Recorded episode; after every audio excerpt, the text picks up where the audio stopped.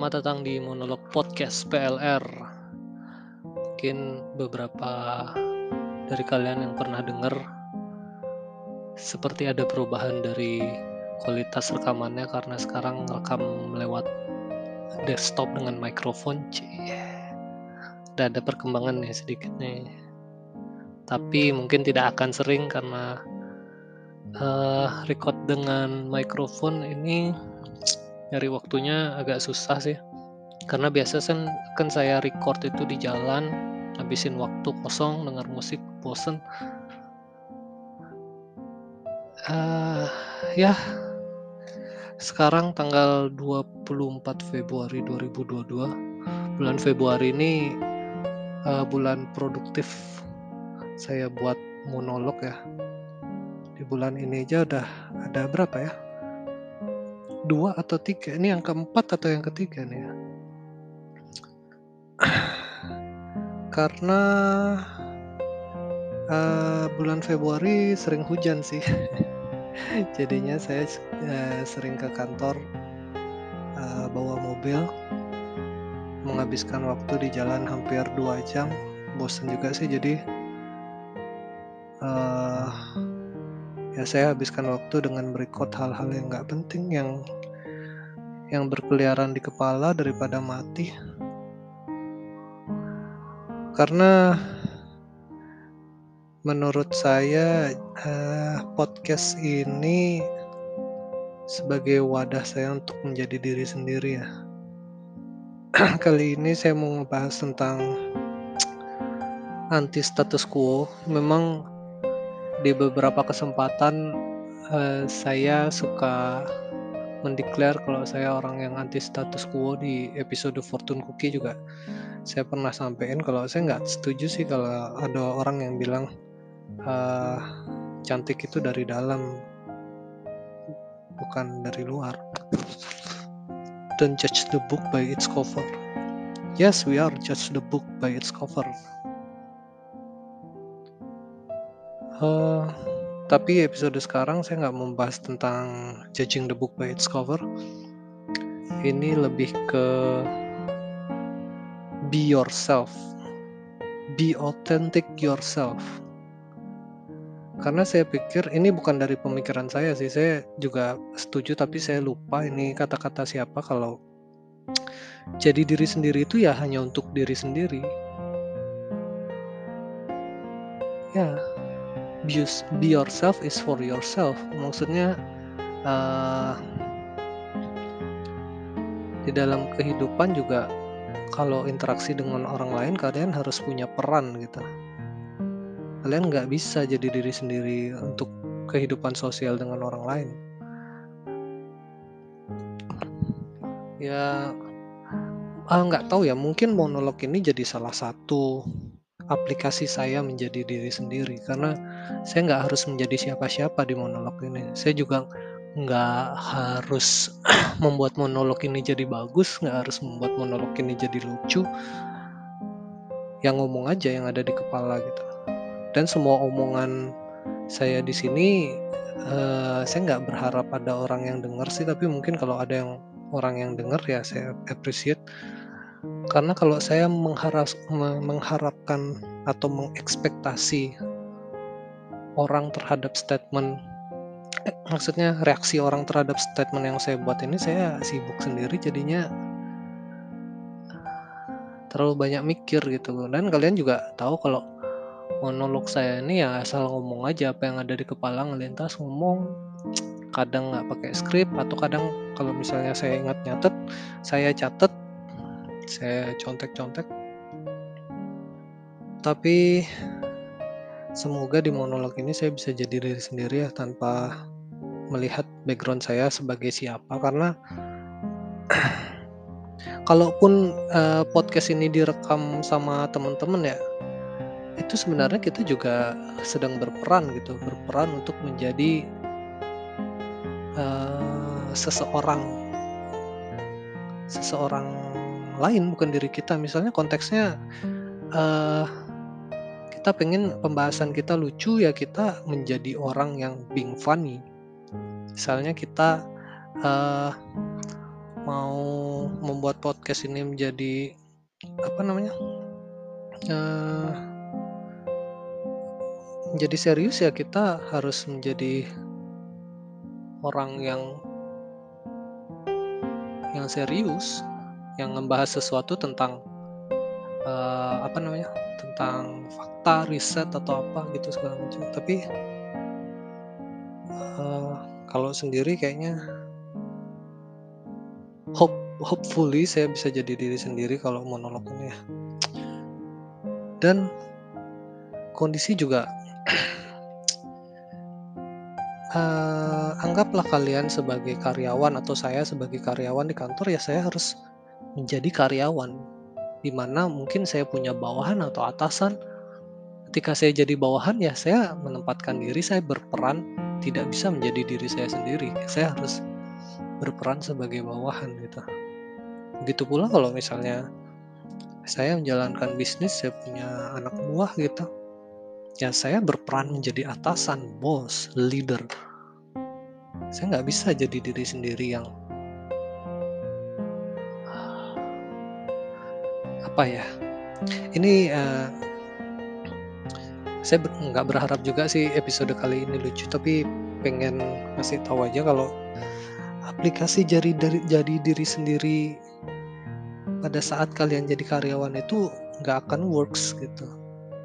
Kalian harus memake up gimana cara kalian menjilat ke bos bagaimana kalian melawan kebosanan kalian untuk tetap mengerjakan rutinitas menurunkan ego demi kelancaran kalian di masa masa depan di perusahaan itu. Nah, contoh aja sih, contoh aja maksudnya saya uh, running bisnis tempat makan, ada salah satu karyawan saya yang menjadi diri sendiri. Itu selesai, Bro. Kita nggak kita kita sebagai atasan nggak akan menerima dia untuk being being their self they have to be bawahan gitu.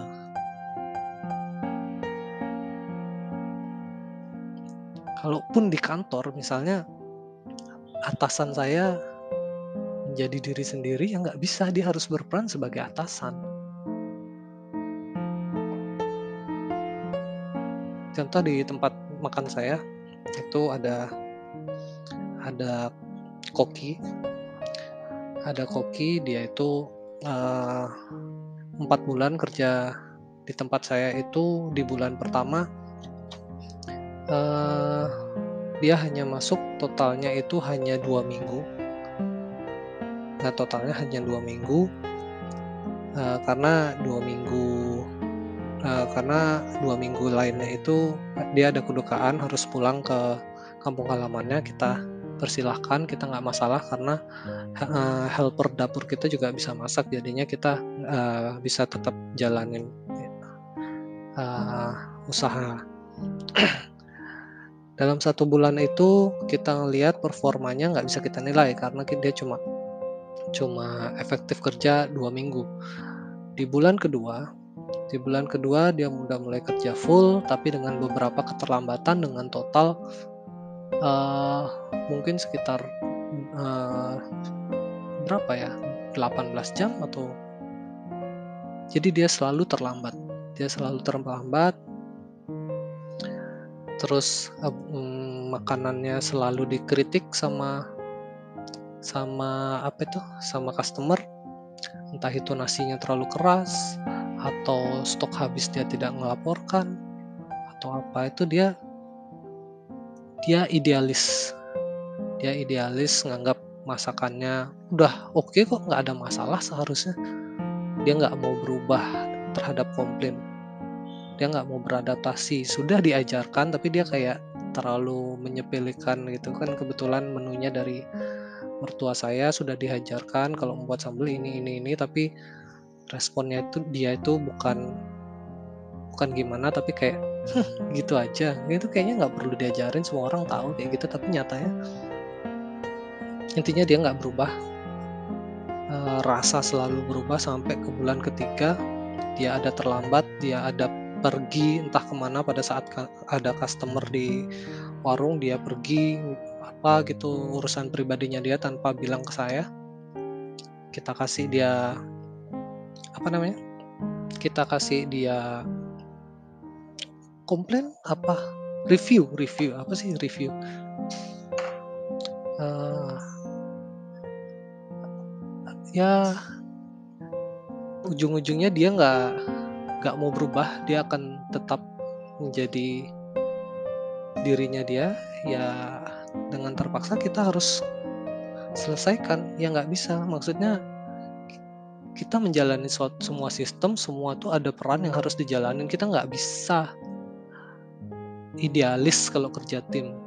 Kita nggak bisa menjadi diri kita sendiri dalam sebuah tim. Kita tuh harus me, kita tuh harus tahu kita sebagai apa di tim itu gitu. Ini nunjukin ya kalau orang orang-orang yang idealis tuh punah duluan gitu orang yang nggak bisa menerima kritik orang-orang yang nggak bisa menerima perubahannya orang-orang yang punah duluan gitu begitu pula kalau misalnya saya di kantor setelah menjalankan peran-peran harus pulang ke rumah. Di rumah juga saya menjalankan peran sebagai ayah, beda menjalankan peran sebagai istri, sebagai suami, beda menjalankan peran sebagai anak dari ibu saya, beda menjalankan peran mertua, eh mantu dari mertua saya, beda menjalankan peran sebagai ipar dari kakak ipar saya. Ya banyak peran yang harus kalau nggak bisa kita kita menjadi diri sendiri maksudnya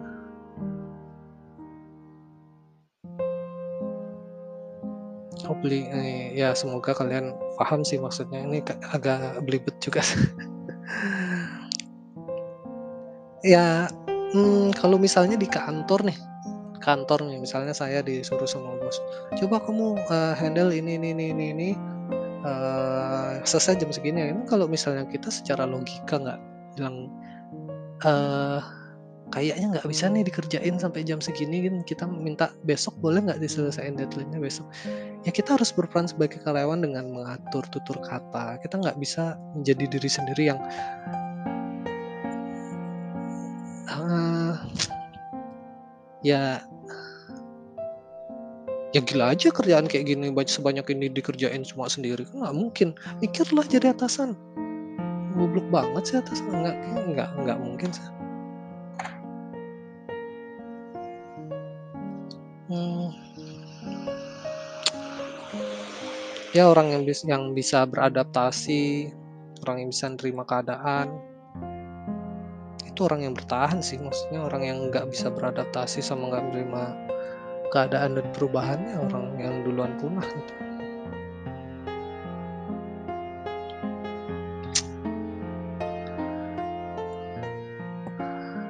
Terus uh,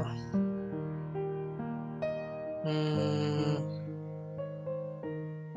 apa ya? Saya mau ngebahas tentang orang-orang yang menganggap generasinya saya saya sebenarnya nggak mau terperangkap menjadi generasi yang merasa lebih generasinya lebih baik daripada generasi sebelum dan sesudah ya Soalnya kan ada kadang ada banyak orang yang zaman sekarang mah enak, zaman dulu kita kayak gitu. Zaman dulu lo nggak ada ini, sekarang lo kita ada ini. Gitu. Maksudnya emang siapa kalian gitu merasa generasi kalian yang terbaik kan maksudnya setiap generasi kan punya tantangannya masing-masing ya.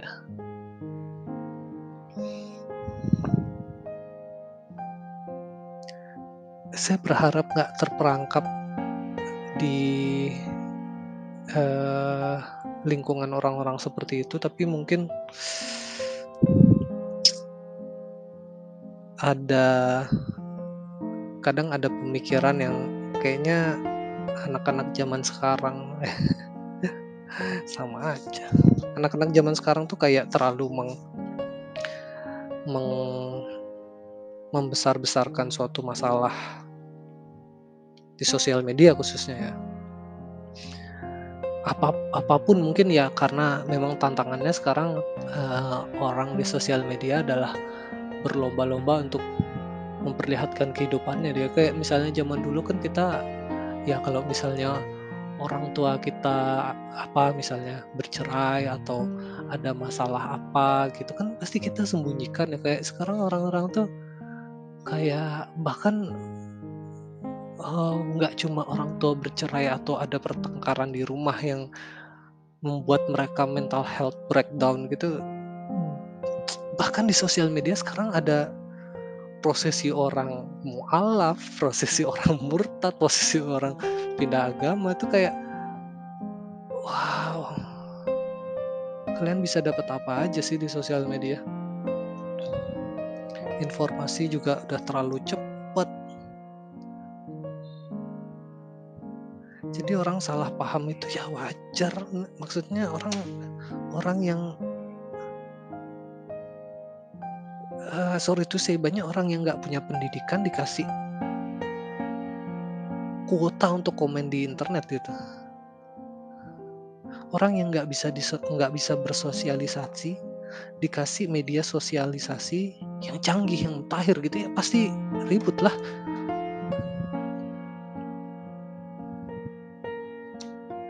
Itu tantangannya zaman sekarang ya seperti itu. Kalau kita juga dulu, eee, kayaknya di zaman saya misalnya waktu SMP, SMA itu tantangannya hanya terlihat keren dengan membawa apa misalnya, mmm, bapakku kayak gitu, bapakku polisi, bapakku dokter, atau aku punya PS4 di rumah, aku punya ini. Sekarang sekarang orang yang cuma mmm, misalnya cuma beli vacuum cleaner aja jadi pamer di sosial media ya.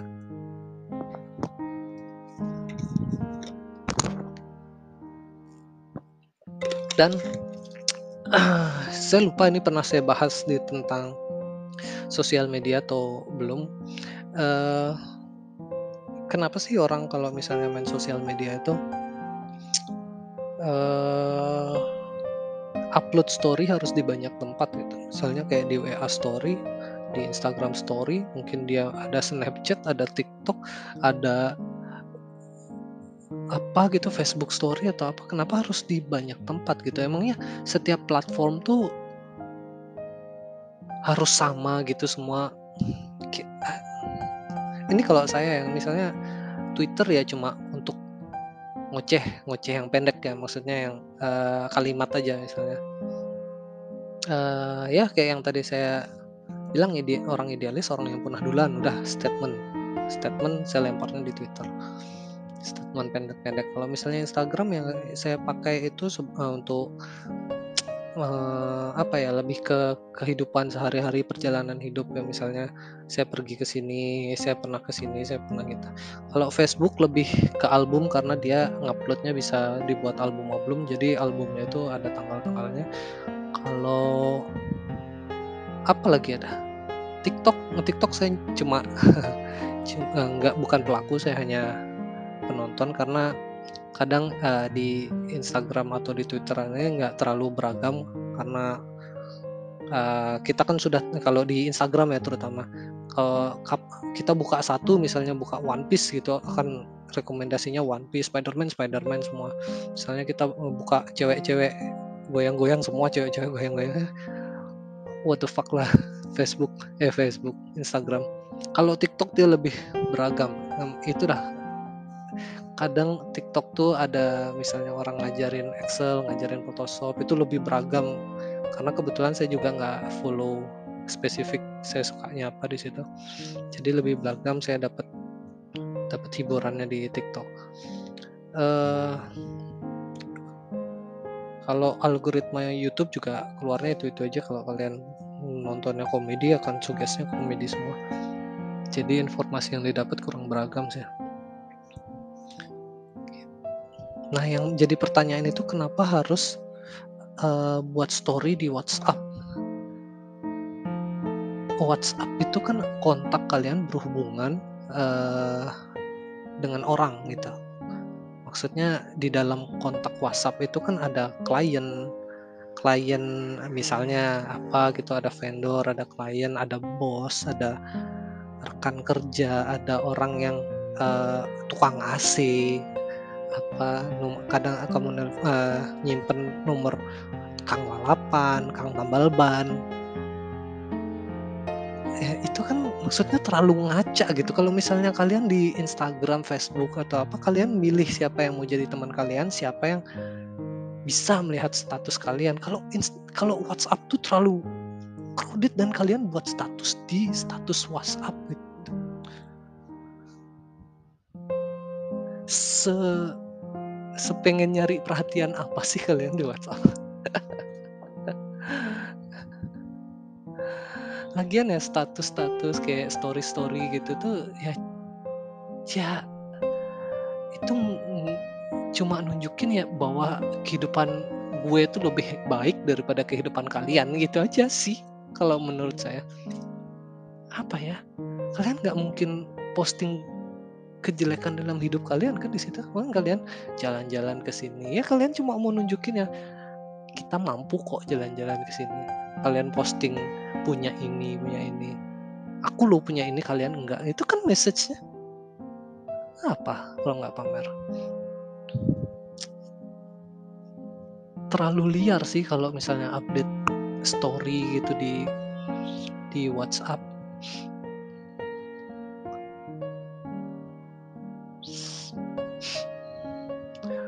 Dan story juga akan hilang ya untuk untuk apa kalian me membuat sesuatu yang bahkan kalian nggak bisa kenang gitu. Kalau nggak cuma untuk pamer. Kalau misalnya Instagram Instagram story saya pernah bilang kalau story itu cuma buat pamer aja, maksudnya kan itu berjalan berapa lama, eh, 1 hari terus hilang gitu, ketumpuk gitu atau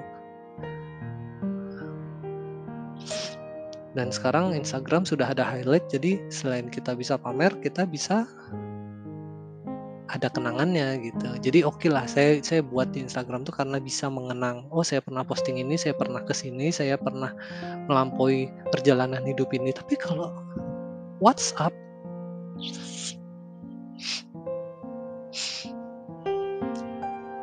itu cuma pamer aja sih. Dan pamernya ke orang-orang yang nggak tepat juga, kan semua semua kontak kalian saya nggak tahu ya mungkin ada settingannya, saya nggak terlalu penggiat story WhatsApp. Mungkin ada settingannya untuk orang-orang tertentu tapi tapi ya terlalu random aja sih.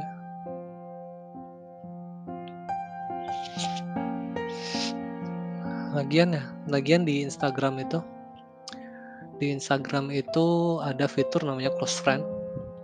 Kalau story itu terlihat list-nya warna hijau berarti kalian adalah close friend. Close friend dari orang itu. Di Instagram ya. Close friend pernah ada satu story yang saya ngeliat close friend itu dari kakak saya. Dia tuh kalau ah dia membuat ngebuat close friend itu adalah uh, semua temennya perempuan dan laki-laki hanya saya dan suaminya. Karena mungkin di di apa namanya? di close friend di close friend apa di story-nya yang close friend itu dia kayak nampilin apa foto zaman dulu yang belum pakai hijab oke lah masih masuk akal jadi close friend-nya difilter hanya semua teman ceweknya sama laki-laki hanya saya dan suaminya itu oke memakai uh, apa uh, fungsinya dengan tepat ya. Uh, tapi ada pernah saya ngeliat story temen nggak begitu dekat dia masukkan saya ke close friend. Terus saya tanya aja maksudnya uh, emang eh, ken, apa sih kriteria kriteria yang masuk di saya sampai bisa masuk ke close friendmu? Padahal kan even sebulan sekali kita nggak pernah chat-chatan kenapa saya ada di close friend akhirnya dia jelasin ya ya kalau misalnya soalnya di Instagram kan juga ada klien kebetulan dia ada bisnis juga. Ada klien ada gini terlalu random gini-gini. Ya tinggal ya tinggal unfollow lah maksudnya dia juga di bisnisnya dia juga punya Instagram terpisah gitu. Ini kan Instagram pribadinya dia jadinya harusnya dia yang punya kontrol terhadap siapa yang mau dia follow. gitu Jadi nggak klien tuh nggak harus kepoin Instagram pribadi nggak sih?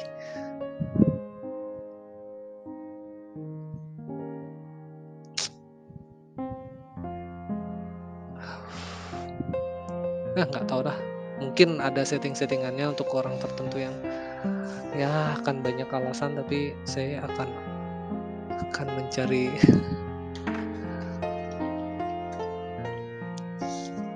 keanehan yang ada sih. Eee, udah 20 menit. Mungkin akan sampai di sini dulu, saya nggak mau kepanjangan karena di episode ini juga terlalu banyak terbata-bata, saya lagi sebenarnya lagi nggak mood tapi takut hilang aja di kepala jadinya saya takut apa yang saya pikirin hilang dari kepala dan kebetulan ada device yang bagus untuk recording ya. Ini saya buat terpaksa, ini saya buat terpaksa. Oke, mungkin sampai eee, sampai sini dulu episode kali ini. Sampai jumpa di episode-episode selanjutnya. Thanks for listening, go fuck yourself and bye.